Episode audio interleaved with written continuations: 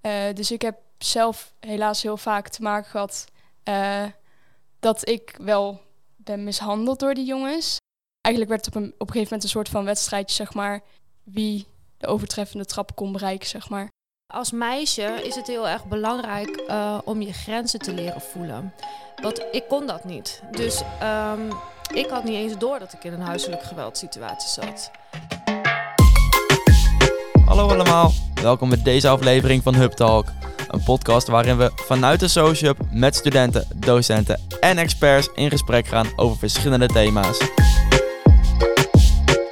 In deze aflevering gaan we het hebben over de campagne Orange the World. Samen met onze gasten gaan we in gesprek hoe we geweld tegen vrouwen en meisjes tegen kunnen gaan. Daarbij delen ze hun ervaringen en de gevolgen ervan.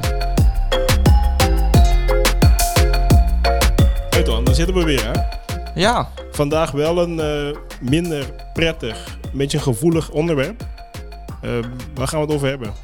Vandaag gaan we het hebben over Orange the World. Ehm, nou, het is een campagne eigenlijk voor geweld eh, tegen vrouwen. En dat zoveel mogelijk daar tegenop wordt eh, gestaan eigenlijk.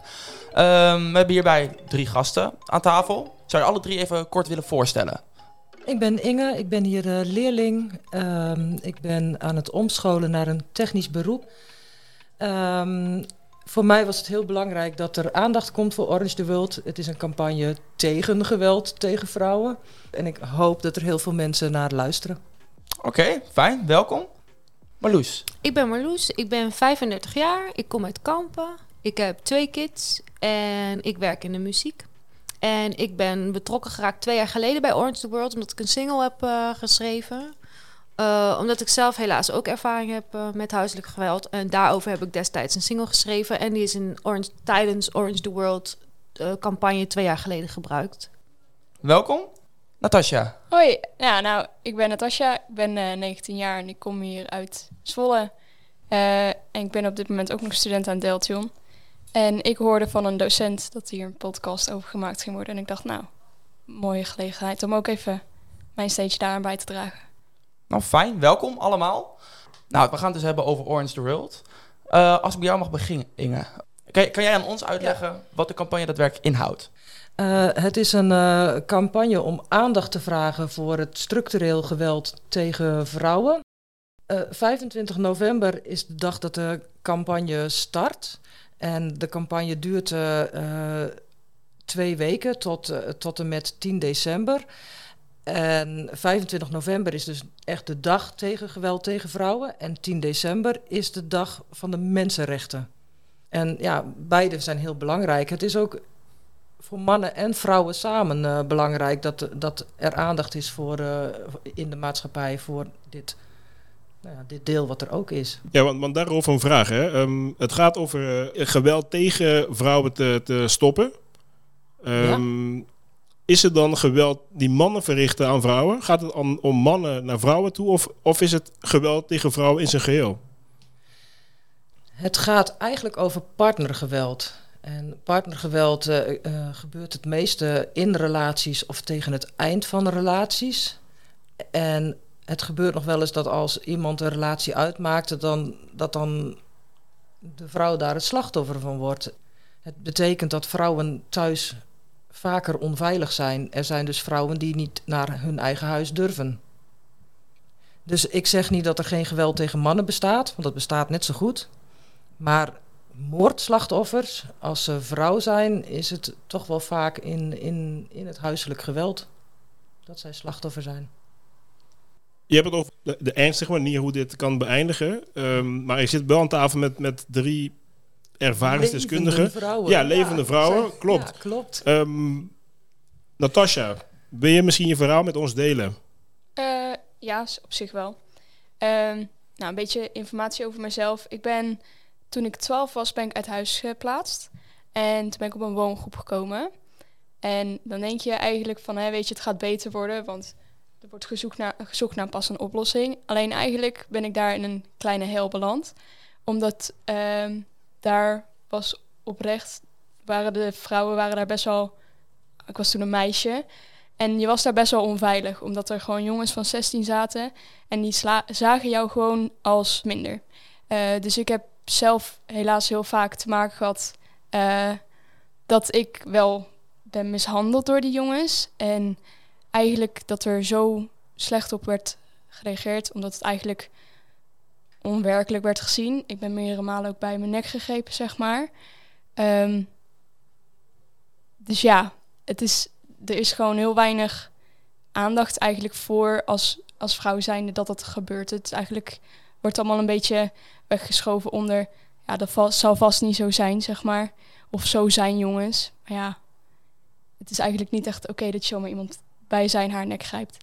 Maar heb je jezelf eerder dan gezien als een, wel als een mens? Of echt meer als een, als ik het zo bruut mag verwoorden, eigenlijk als soort object eigenlijk? Ehm, ik heb soms wel het gevoel gehad dat ik werd gezien als object, inderdaad. Dat het, voor hun was het grappig als het gebeurde, zeg maar. En er werd niet echt, denk ik, nagedacht over dat ik iemand ben met gevoelens, zeg maar. Ehm, en ja, voor hun was het eigenlijk een beetje... eh, de ene deed, deed me bij mijn nek grijpen, zeg maar. En ik ben ook wel eens door iemand best wel gruw tegen een deur gesmeten. En eigenlijk werd het op een, op een gegeven moment een soort van wedstrijdje, zeg maar wie de overtreffende trap kon bereiken, zeg maar. Heb jij ooit een keer tegen misschien die jongens kunnen zeggen wat het met jou heeft gedaan? Ehm, nou, op dat moment durfde ik dat niet. En ik heb daarvoor wel geprobeerd om hulp te zoeken. Ehm, maar ja, er werd eigenlijk heel erg lacherig over gedaan. Van ja, het zal wel niet kloppen wat zij zegt. Was er geen toezicht dan? Ik bedoel, Nee. jullie wonen toch samen in een, in een huis? Ehm, op, ze wisten precies waar ze het moesten doen. Ze wisten precies waar geen toezicht was. Dus dat, ze hadden het zover uitgezocht. En ondanks dat je aangaf van... hé, hey, hier gebeurt het... deden ze er niks aan. Dus die, Wie, wie is ze? eh, mijn begeleiding die ik op dat moment had. We hadden op dat moment gewoon eh 24-7 begeleiding. Eh, die waren altijd met drie man tegelijk. En je kon heel netjes aangeven van... hé, hey, dit gebeurt er. Maar je werd toch niet geloofd. Dus eigenlijk, het probleem werd niet verholpen, zeg maar. En het, wat het voor mij het probleem heeft doen verhelpen... is het feit dat ik ben verhuisd. En wanneer was het voor jou genoeg dat je dacht van oké, nu ga ik zelf eh, maatregelen nemen? Eh, ik heb vier jaar moeten wachten. Dus eh, ja, ik heb er nog blijvende, blijvende schade van. Ik heb er ook nog oprecht eh littekens van, zeg maar. Oké. Ja. Ja, het is, Logisch. het is denk ik, als je er niet continu aan wordt herinnerd, zeg maar, dan is het oké. Dus ik woon nu op mezelf, ik heb een leuk kamertje en dan heb je er niet zoveel last van. Maar ja, als je je blijvende schade ziet, zeg maar, dat is wel, dat gaat niet meer weg. Dat Nee. helpt herinneren. En, en vind je dan fijn om vandaag mee te doen om anderen juist ehm, te informeren hoe dit gaat of wat, je, wat ze eraan kunnen doen? Of vind je het ook moeilijk om dit met ons te delen? Ehm, nee, ik ben eigenlijk wel heel blij dat ik het kan delen, omdat ehm, je weet dat het bij anderen ook gebeurt. En als ik een stukje kan bijdragen ervoor dat hun daarin worden beschermd, zeg maar, dan doe ik dat heel graag. Dus ik ben er gelukkig nu van af, maar ook alle mensen die er nog wel momenteel last van hebben, die hoop ik te kunnen helpen. Ja.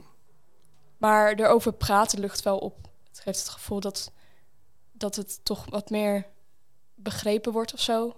En dat er meer aandacht voor komt, dus het meer voorkomen kan gaan worden. Hopelijk. Marloes, jij hebt twee kinderen, zei je net. Ja, klopt. Hoe vertel je je kinderen zo'n zo'n zo'n gebeurtenis? Hoe, hoe begin je met zo'n gesprek? Nou, ik denk wat ik probeer heel erg is te laten zien dat je het niet accepteert. Dus ik heb een dochter, dus haar probeer ik te laten zien tot hier en niet verder. En dat, ja, dat moet je niet pikken, zeg maar. En ik probeer mijn zoon heel erg te leren, nee is nee. Dus ook als ik nee zeg, of ook als de zusje nee zegt, nee is nee. Dan, eh, dan houdt het op, zeg maar.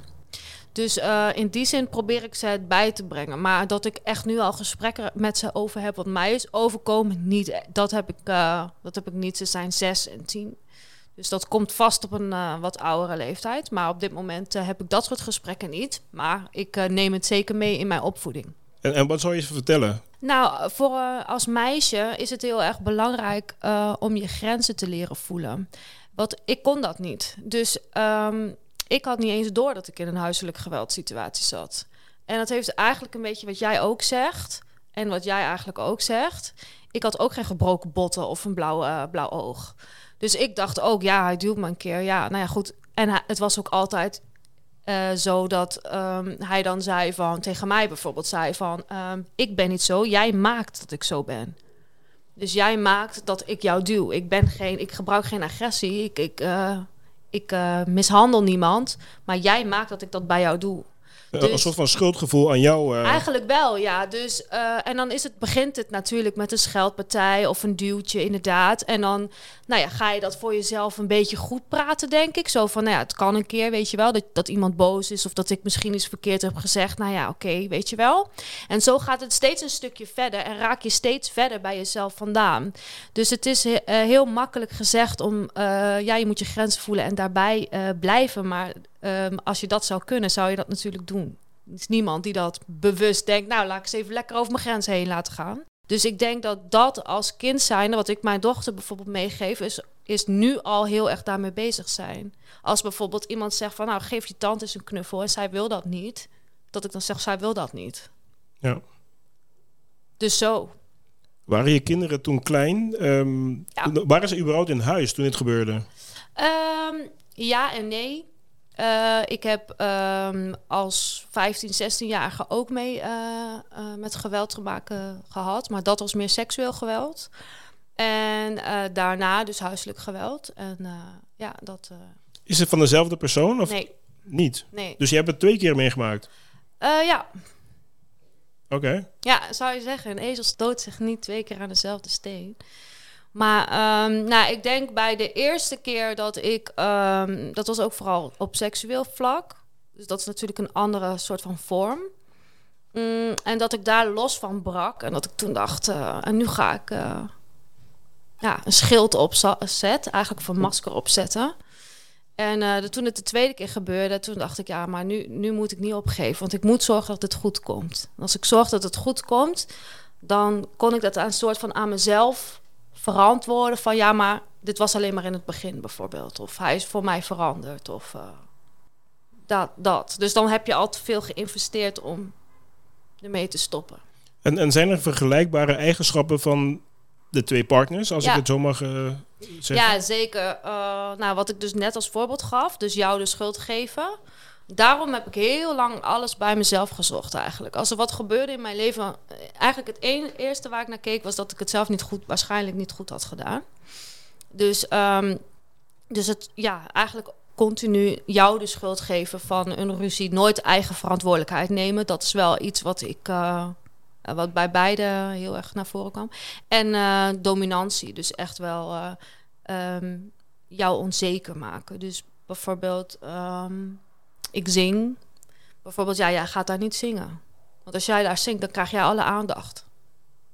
Dus ja, dat vooral, dat soort dingetjes. Is er ook een bepaalde onzekerheid van die kerels dat Tuurlijk. zij dan op jou projecteren? Tuurlijk, ja. Maar ja, daar kunnen ze niet naar kijken. Dus is het makkelijker om het bij iemand anders neer te leggen. En ik ben een heel empathisch persoon, dus dat, is, dat maakt mij misschien makkelijk slachtoffer. Hoewel nu niet meer, maar dat was ik wel heel erg. Dus eh, ik voel heel snel dingen aan. Ik heb een soort radartje ontwikkeld, wat je ook veilig houdt, maar wat eh, later ook heel erg in de weg is gaan zitten. Eh, waardoor je heel goed aanvoelt waar, wat iemand anders voor gedrag leuk vindt. En dat wil je dat dus gaan vertonen om die goedkeuring te krijgen. Oké. Inge, zijn er vergelijkbare ehm, onderdelen van, van deze verhalen die jij ook ervaren hebt? Ik eh, herken helaas eh, dingen. Ja. Ik denk dat ik eh, als zodanig als on- onzeker persoon door mijn jeugd heen ben gekomen. En, en dat is voor toch dominante mannen wel erg aangenaam. Want het is heel makkelijk om dan iemand te beïnvloeden. Ik ben mijn eerste relatie weggegaan toen ik zeker wist dat ik zwanger was van mijn tweede kind. Mm, omdat ik wilde voorkomen dat mijn kinderen ook geslagen zouden worden. Eh, mijn eerste man sloot me in huis op. Dat bedoel ik tamelijk letterlijk. Gewoon slot op de deur en je bent afgesloten. Ehm, en de, de opmerking van ja, maar jij maakt dat ik dat zo doe, want eh, ze kijken naar jou en jij, eh, jij, doet, jij flirt met iedereen. Ik denk niet dat dat waar is, maar ik ben van mezelf wel iemand die gewoon vriendelijk groet en eh, ik probeer altijd netjes en, en leuk te antwoorden. En dat mocht niet. En ik mocht dus op een gegeven moment niet meer met mijn familie praten. Uh, mijn vrienden gaven het op, want ze kregen me toch nooit aan de telefoon. Ik moet zeggen, de mobiel bestond uh, nog niet in, in die tijd. Uh, toen ik bij deze man weg ben gegaan, uh, heb ik een geheim telefoonnummer genomen. Dat heb ik 18 jaar volgehouden totdat dat kind meerderjarig was. In de hoop dat ik niet lastiggevallen zou worden. Toen ik mijn computer liet aansluiten, is dat één keer misgegaan. Toen werd mijn telefoonnummer zichtbaar en werd ik uh, 60 keer per etmaal gebeld. Uh, door mijn ex dus. Uh, en de praktijk is dat je daar, in ieder geval toen was het zo, dat je, je kon wel aangifte doen, maar dat werd je sterk ontraden. Want het was, ja, het was jouw woord tegen het zijne. En ja, hij had een goede baan en... en Waarom zou die dat doen? Nou, puur omdat hij jaloers is en het niet kan hebben dat jij een zelfstandig leven leidt zonder hem. Uh, voordat je verder gaat, ik zie jou knikken, um, Marloes. Mm -hmm. um, wat voor overeenkomsten zie je dan? Die aangifte, ja, ja dat is eigenlijk nul zin. Kansloos. Ja, je moet, dan moet je echt een letsel hebben wat je uh, kan bewijzen. Anders is het jouw woord tegen het zijne. Dus als ik geen uh, gebroken bot heb, dan nog trouwens, dan is het alsnog, uh, ja, hoe komt dat dan? Ja, dan is fiets kunnen vallen bij Ja, dan is het ja. alsnog. Uh, ja. Dus het is best wel moeilijk om daar een zaak van te maken. Het is best wel wat om toe te geven van, ik, ik heb, dit is met mij gebeurd. Niet omdat het spannend is, maar tenminste, ik ervaar daar ook wel een beetje voor mijzelf dat ik denk, je mag Marloes, hoe dan? Hoe, hoe heb je het zover hoe, laten hoe, komen? Hoe, ben, wat, waar ben je geweest met je hoofd? Dus het, dat, dat speelt ook wel mee. Dat je er toch wel ergens denkt van... ik dacht dat ik zo sterk was. Weet je wel? Die gedachten gaan ook door je hoofd heen. Terwijl nu zie ik in dat ik gemanipuleerd ben. Maar um, het is wel wat om dan uh, tegenover iemand uh, te gaan zitten... en je verhaal te doen... terwijl je nog steeds in die overlevingsmodus zit. Ja. Dus dan kan je dat nog niet zo goed erkennen. Die erkenning bij mij kwam vast pas veel later. Dat ik uh, kon erkennen van, oh, dit is mij overkomen en ik ben dus mishandeld. Daarvoor was het altijd, ja, het was gewoon een slechte relatie. Ik zag je ook net knikken, Natasja. Ging het over specifiek dan over dat, dat uh, um, aangifte doen? Ja, want wat ik dus heb meegemaakt, ik heb daadwerkelijk letsel ervan gehad. Maar dan is het kort heel hard gezegd, maar dan gaan ze gewoon door de bocht met ja, we weten niet of dat daardoor komt. Het kan ook ergens anders voor doorkomen. Nou, ik sport bijvoorbeeld ook heel veel. Dan zeggen ze ja, dat komt omdat je sport. Maar, maar wie zegt dat dan? De politie of zo? Ja, en er wordt, wordt heel hard. De zaak wordt gewoon gesloten met het kopje van ja, onvoldoende bewijs. Maar je hebt ook 24-7 een begeleider gehad daar. Ja. Is er dan niemand die ook het, in ieder geval het letsel bij jou zag? Omdat je het op een gegeven moment gaat verbergen, omdat er gewoon kort heel hard wordt gezegd van ja, maar dat heb jij zelf gedaan. En dan ga je proberen te verbergen, omdat jij niet wil dat mensen het op een gegeven moment nog gaan vragen, omdat er toch wordt gezegd dat je het zelf hebt gedaan, maar je hebt het niet zelf gedaan. Dus ja. Misschien ga je ook aan jezelf twijfelen. Ja, zeker, heel erg. Dat je denkt van ja, overdrijf ik het dan misschien een beetje of zo. Ja. Als, als niemand je gelooft of als je denkt van ja, je wilt het voor jezelf ook een soort van goed praten, een soort van verklaren waarom. Uh, ja, dat, dat houdt je in leven. Dat is je overlevingsdeel. Dus, dus ik denk misschien, ja, ik kan natuurlijk niet voor jou spreken, maar als ik voor mezelf spreek, Um, ga je het ook een beetje voor jezelf dan denken, nou, het zal dan wel meevallen. Je gaat ook nog twijfelen ook aan jezelf. Ja, herken je dat, eigenlijk. Inge? Ja. Had je ook twijfels? Ja. Waarin dan? Je gaat je afvragen of, of jij niet gewoon raar bent, of je niet dingen verbeeldt, of je het niet toch uitgelokt hebt, of je je niet aanstelt. Uh, want je hebt ook geen vrienden meer. Dat heeft toch een reden? Je bent alleen je bent niet alleen. Dat wil ik er even duidelijk bij zeggen. Er zijn dus heel veel slachtoffers. Maar je wil ook geen slachtoffer zijn. En ik wil geen slachtoffer zijn. En deze dames hier naast mij willen ook geen slachtoffer zijn. Maar we willen het nu wel onder de aandacht brengen. Ook voor die mensen die misschien zich zo eenzaam voelen. Ja, en denken, dat hun hoofd niet Ja. goed is. Dat ze zich aanstellen of het zich verbeelden. Maar dat is heel vaak niet, niet het geval. En, en wij zitten hier eh, allemaal, nou ja, toch eh, gezond van lijf en leden. Eh, er is dus heel veel geweld wat niet naar buiten komt. En er worden toch in Nederland heel regelmatig vrouwen vermoord. Die kunnen het dus helemaal niet meer navertellen. Die kunnen ook geen, geen steun meer krijgen van, van mensen die het ook hebben meegemaakt. Nou ja, dat is voor mij wel een hele belangrijke reden om, om toch dit te bespreken. Nou, ik denk ook dat we het, het herstel niet moeten onderschatten. Ik kan niet, hier niet voor jullie ook spreken. Maar mijn, om, om mijn overlevingsmechanisme uit te zetten, dat heeft me meer dan anderhalf jaar gekost. Om weer te kunnen ontspannen.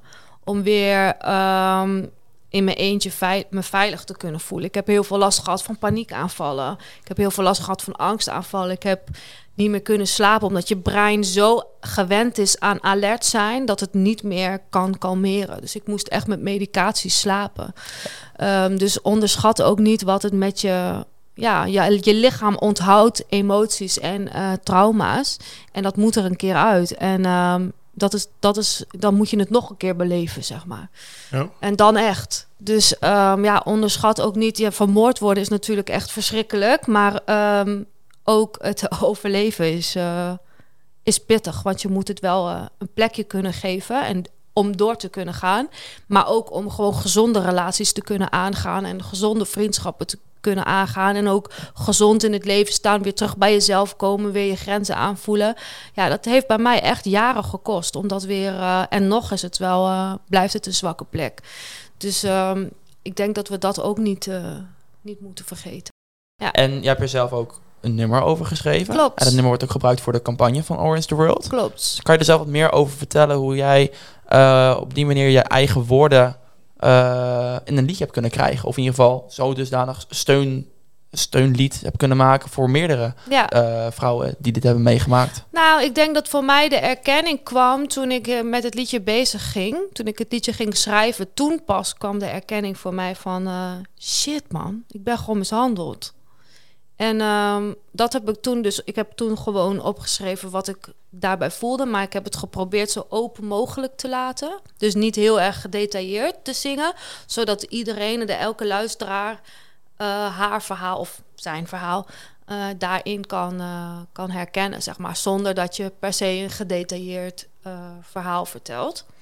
dus zo heb ik dat eigenlijk gemaakt. En toen ging ik daarmee bezig. En toen kwamen we op de campagne Orange the World. En toen heb ik meteen gebeld.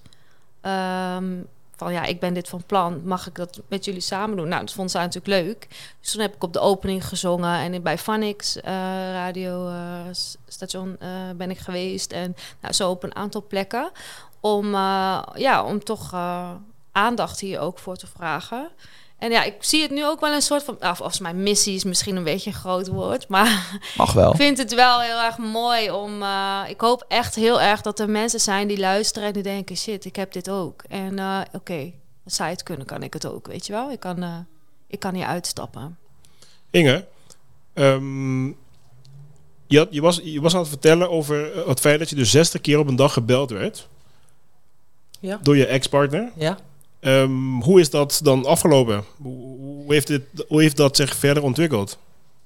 Ik heb uiteindelijk de PTT aansprakelijk gesteld. Ze wilden dat ik betaalde om weer een ge geheim nummer te krijgen. Dat heb ik toen geweigerd, omdat het bij hun aansluiting misgegaan is. Uh, als je aangifte wil doen van stalken of dat soort dingen, dan moet je dat maanden gaan monitoren. En ja, daar krijg je geen hulp bij. En ik voelde me dus uh, heel onbeschermd en heel onveilig. Uh, uiteindelijk is mijn telefoonnummer. Ik heb een ander telefoonnummer gekregen, gratis. En dat heb ik onder mijn vrienden en familie verspreid. En daarna was ik ook weer veilig. Maar uh, hulp van de instanties heb ik toen niet ervaren. En ik vind tot op de dag van vandaag dat ik iedere dag opnieuw moed moet verzamelen om eerlijk en open naar mensen te zijn. En om mensen te vertrouwen. Dat vind ik een heel nare consequentie. Want eigenlijk, ja, ik, mensen willen graag onder de mensen zijn. Ja. En daar hebben ze ook belang bij. Uh, dus ik ben blij dat het nu gaat zoals het gaat. Maar zo, het, het is iedere dag opnieuw een keuze. Dat ik uh, bij mensen wil zijn, dat ik moet kiezen dat ik mij veilig voel. En dat, is, dat wordt wel telkens beter, maar het speelt nog steeds. En dat vind ik soms lastig. Ja. Ehm, ik hoor bij Inge over wantrouwen, dus anderen vertrouwen. Is, is dat een, is een gevolg of een oorzaak van wat jullie hebben meegemaakt? Ervaar je dat ook? Ik begin bij jou, Natasja. Eh, ja, je hebt eh, wel een stuk, althans ik heb er persoonlijk een stuk veel meer moeite mee om mensen zomaar te vertrouwen. En wat ik dan ook nog lastiger vind, zeg maar, is ehm, als je, het is een beetje persoonlijk misschien, maar als je op het moment dat jij met iemand, zeg maar, iemand leuk begint te vinden, eh, dat vind ik nog moeilijker, omdat het is toch altijd een stukje van jezelf. En als je dan open wil zijn, dan moet je het toch weer vertellen. Terwijl ook heel veel mensen het afkeuren. Heel veel mannen keuren het af als je daarmee loopt, zeg maar. Ehm, dus het is toch altijd wel weer... ehm, ja, ga je het vertellen, ga je het niet vertellen? Het maakt het altijd wel heel lastig, want het is dus toch een stukje van je. Ja, dus, dus dat is ook een gevolg van dat geheel. Ja. Ja. Herkennen jullie dat? Ja. Het, het wel of niet vertellen van een eventuele toekomstige partner? Ja, ik ben al vijf jaar alleen. Dus en eh, ja, dat komt, dat komt ook hierdoor natuurlijk. Omdat je. Ja, het is, moe het is moeilijk om, om weer iemand te vertrouwen. Of, en wat misschien voor mij nog moeilijker is, dat ik mezelf ben. Dus dat ik niet iemand weer in dezelfde val trap. Dus weer ga, iemand ga zijn waarvan ik denk dat de ander die wil zien. Maar dat ik bij mezelf blijf. En dat, dat, dan goed genoeg, dat ik dat dan goed genoeg vind, zeg maar. Ehm, dus ehm, ja, dat is voor mij wel eh, een struggle ook geweest, inderdaad. Vertrouw je iemand genoeg om je echt jezelf te kunnen zijn? Om echt helemaal jezelf te kunnen laten zien met alles wat er is. Dus ook de mooie dingen, maar ook de, Ja. de, de, ja, toch de schade die je hebt opgelopen. Om dat te laten zien en dan te hopen dat diegene jou nog steeds leuk vindt, dat is wel eng en dat is wel moeilijk. Ja. Want jij had verteld ook dat je het twee keer hebt meegemaakt. Ja. Wa- Was het allebei in relatievorm dat het Ja. was gebeurd? Dus toch heb je ehm, de tweede keer uiteindelijk de moed weer kunnen Ja. verzamelen, om zo te zeggen. Maar toen was ik wel heel erg al. Had ik heel erg een masker opgezet. Dus ik was toen niet mijn authentieke zelf, zeg maar. Ik had toen al van de eerste keer een behoorlijk masker op van... oh, kijk mij eens even en ik zing en ik kan dit en ik kan dat. En ja, een beetje mezelf opgetild en vervolgens weer lekker mezelf gevormd naar de ander. nou ja, tot dat ook klaar ging. Toen moest ik dus mez- mezelf helemaal weer terugvinden. En ja, als het eh, weer gebeurt, dan eh, hoop ik dat ik gewoon mezelf kan zijn en dat dat, eh, dat, dat dan genoeg is. Zou je het nu wel genoeg weer zijn. aandurven om weer eh, voor ja, zo'n stap te gaan? hoor. Ik sta er wel echt wel, wel weer voor open. Maar het is wel... ehm, ja, het begint natuurlijk altijd in vriendschap. Dus ik denk wel dat ik langzamer zal gaan als de gemiddelde. Dus van spreken niet eerst met een meteen op date en dan de, maar echt een heel proces ervoor. Gewoon eerst vriendschap, kijken wat je ik erbij denk voelt. dat en- ik dat wel zou, eh, zou doen, ja. Dus ook met name echt, ook om terug te koppelen inderdaad aan jullie verhalen, ook echt de vertrouwensband eerst op te bouwen. Nou, en ook voor jezelf. Om dus leren om jezelf te kunnen zijn met alles wat er is. Dus ook dat je je af en toe kwetsbaar op kan stellen. En dat de ander dan nog steeds zegt, maar hé, hey, ik vind je nog steeds leuk, weet je wel? Ja. Dat je ook kijkt van past ja, hij of zij bij mij Precies, of pas ik bij hem. precies. Dat daar, het heel, daar zit een groot verschil in in ieder Ja. geval. Want Inge, bij jou hetzelfde. Eh, je had ook een partner na, na dit gebeurd, nadat dit gebeurd is. Ja. Ehm, was je ook anders toen? Want, want eh, Marloes beschrijft duidelijk dat ze toch ehm, een beetje een pleasend gedrag begon te vertonen aan, die, aan de nieuwe partner. Had je dat ook? Klopt, dat, dat, dat is iets wat je eh, gaandeweg leert. En je komt toch iedere keer een stapje weer verder terug bij jezelf. Maar dat leren vind ik wel, dat is wel heel moeilijk. Het is best wel een, een langzaam proces. Of ik ben gewoon hardleers, dat kan ook. maar eh, dat is eh, wel een goede relatie geweest. Dus in die zin, maar een, best een intensief traject. Ja. Gelukkig was, was deze, deze man was heel eh, geduldig daarmee. Mijn ex-partner is ook wel aan de deur geweest. En toen mijn nieuwe man heeft hem ook wel eens van het erf afgejaagd. Ja. ja. En heb je tot vandaag de dag heb je nog contact ook met die partner van de, die je ja, eigenlijk dit leed zo heeft aangericht? Nee, ik heb al eh, eh, mijn jongste, of zijn jong, of, nou ja, zijn tweede in ieder geval, is nu 23. Ik heb mm, dus al 23 jaar geen contact met eh, deze man. Ik weet dat die oudste kinderen van mij dus daar ook geen contact mee hebben.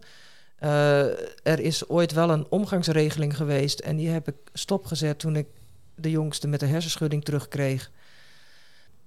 Maar ook daarvan kun je dus geen aangifte doen. Althans, het wordt niet geaccepteerd door de politie. Dus ik, ik vind hulpverlening in geweld nog heel erg tekortschieten. Maar ik, ik vind eh, netwerkcontacten wel heel belangrijk, want je voelt je gesteund als, je, als het herkend wordt. En mensen die het herkennen hebben vaak ook tips hoe je verder moet of hoe je verder kunt. Nou, ik denk ook, eh, wij ervaren dit natuurlijk zo en dat is het ook. Maar ik denk ook eh, dat, hier, dat het heel voorzichtig moet aan worden gepakt vanuit de politie en de hulpverlening natuurlijk ook. Ehm, want er zijn ook gevallen waarbij het wel gaat om een jaloerse ex. En waarbij het wel verkeerd is gegaan. Of waar... En die zijn er helaas ook. Dus het is ook een hele moeilijke en ingewikkelde eh, situatie. Waar je heel. Het is veel complexer dan hij heeft dit gedaan en dit is het le- letsel. Um, en daarom denk ik ook dat er voornamelijk gericht moet worden op uh, hulp, hulpverlening. Hoe ga je ermee om? Waar komt dit vandaan? En ook bij de, de eventuele dader. Dus ook daar hulpverlening op zetten in plaats van oordeel. Oh, zo, ja. Omdat je dan diegene veel makkelijker kan bereiken. Um, als ik kijk naar mijn situatie. Um, toen ik hem confronteerde, um, heb je hem meteen in het harnas. Snap je wat ik bedoel? En als er dan hulp op komt, wat het niet goed praat, hè? want dat is, dat is niet wat ik zeg, dat is iets ja. anders. Maar als er hulp op komt en kijk wat, wat voor uh, hulpverlening er ook voor de dader kan zijn om het uh, inzicht te geven. Het is namelijk ook wel heel vaak zo dat een dader niet eens bewust, um, heel bewust iemand pijn wil doen, maar dat het bij hem ook vaak onmacht is of niet weten hoe hij bij de situatie om moet gaan. En als een, een, een, een dader daar hulp bij krijgt en daar inzicht in krijgt, kan dat ook helpen. Tegelijkertijd ben ik me ook bewust dat dit een gevaarlijke uitspraak is. Want ja, nogmaals ja. wil ik hier niet mee uh, zeggen dat een dader uh, dat maar dus maar mag doen of daar geen verantwoordelijkheid voor moet dragen. Ik bedoel, het is altijd verkeerd. Laat ik dat even vooropstellen. Hè? Ja. Maar um, ik denk wel dat daar nog wel wat winst in te behalen is. Hoe, hoe kunnen wij als buitenstaanders uh, dit herkennen? Dus herkennen of uh, zien dat er iets gaande is. Binnen een relatie of binnen een gezin. Jij zegt meteen niet, uh, uh, Natasja, jij schudt nee. Nee, ik denk ook dat dat heel lastig is om te zien. En vooral omdat het eigenlijk ook... Ja, het wordt op een of andere, zo, sorry, op een of andere manier niet helemaal geaccepteerd of zo in de maatschappij dat het gebeurt. Mm -hmm. Er is niet heel veel aandacht voor, maar ook als je erover probeert te praten, wordt het best wel erg afgekeurd, zeg maar. Dus ik denk dat dat juist de drempel alleen maar hoger maakt van om er met iemand over te gaan praten. En door mannen vooral? Ja. Wordt het afgekeurd of ja. ook door vrouwen? Ja, ook wel door vrouwen ja. heb ik ervaren. Een beetje dat victim blaming. Ja.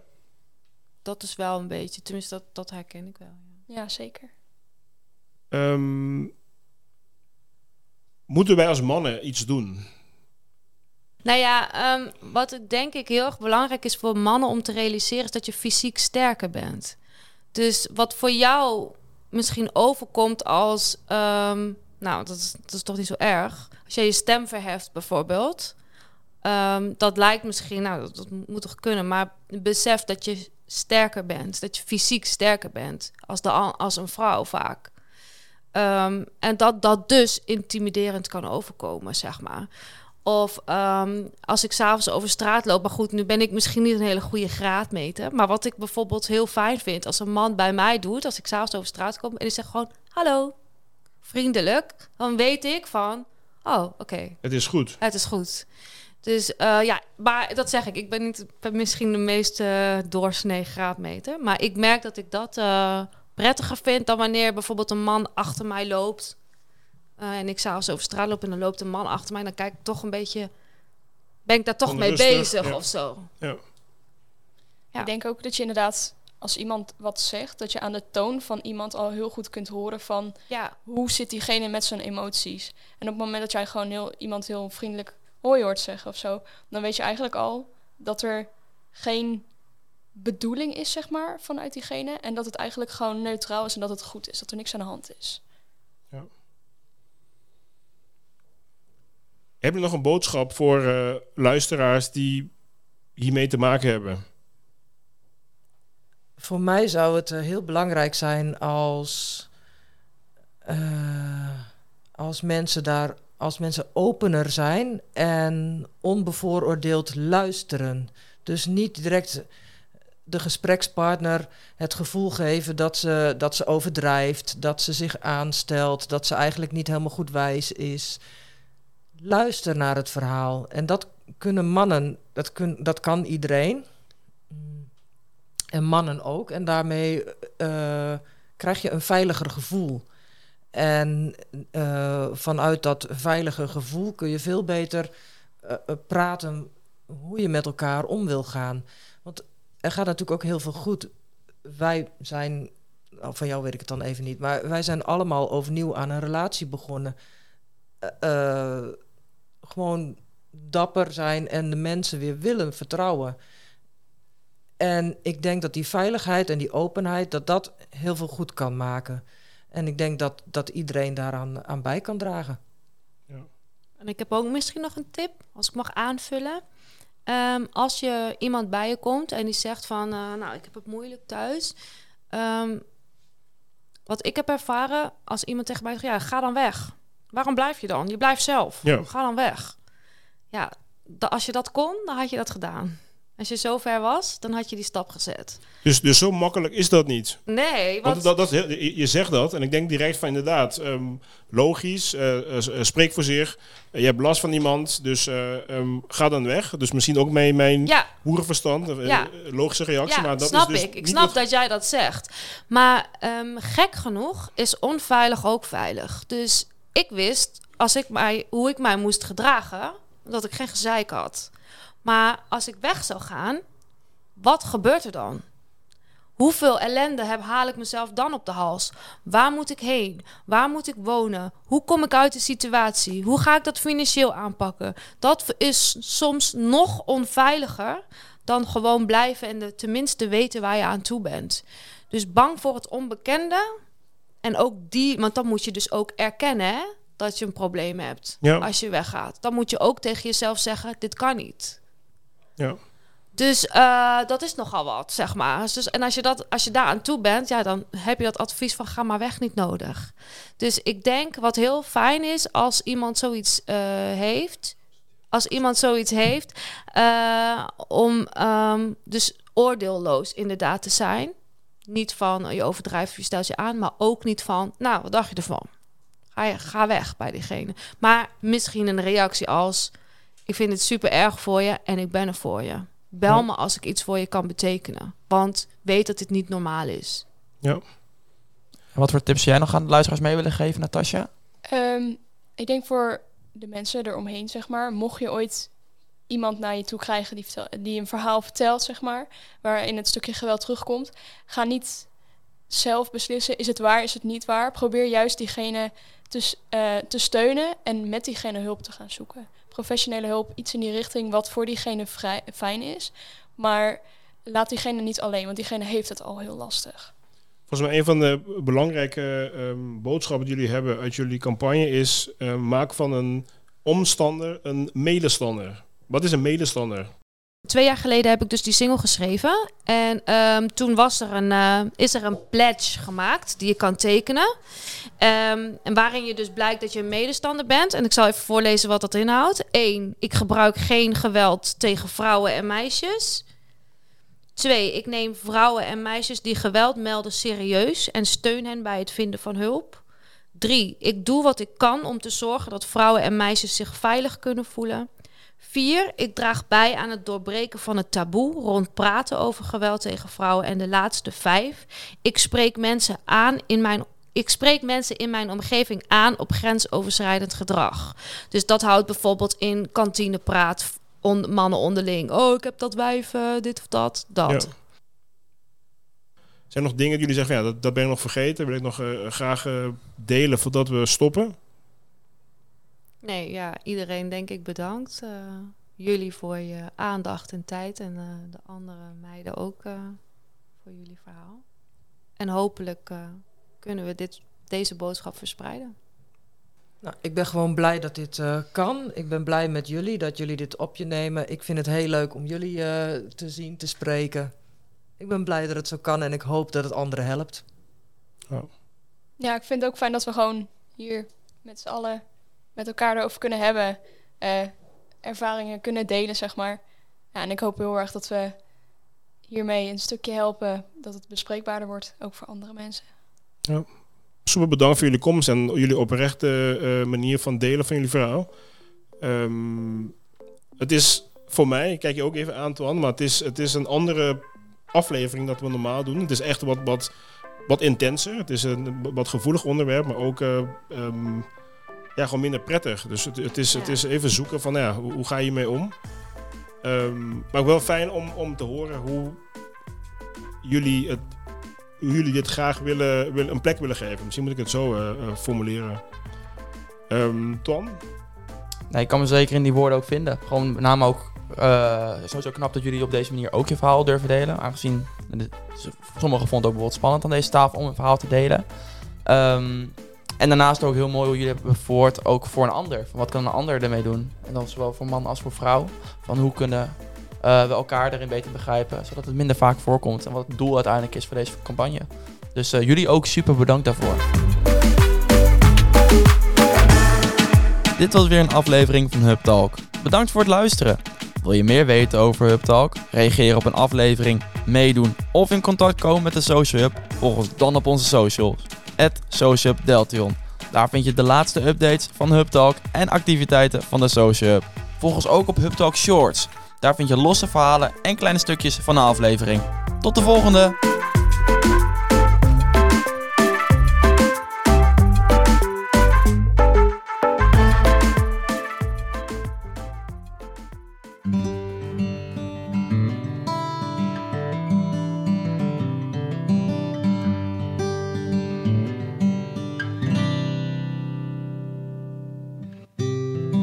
Met een brief hier in mijn hand. Schrijf ik omdat ik niet praten kan. Want wat ik eigenlijk zeggen wil, durf ik niet, dus ben ik stil. Je loopt over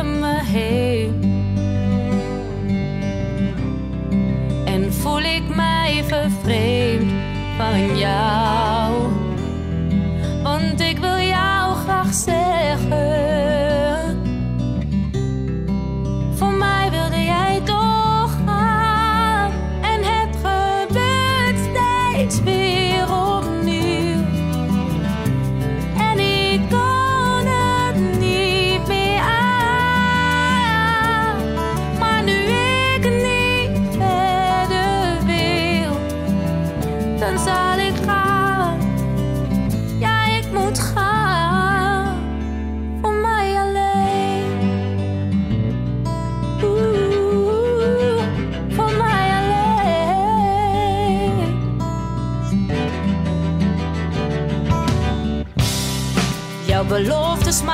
Maken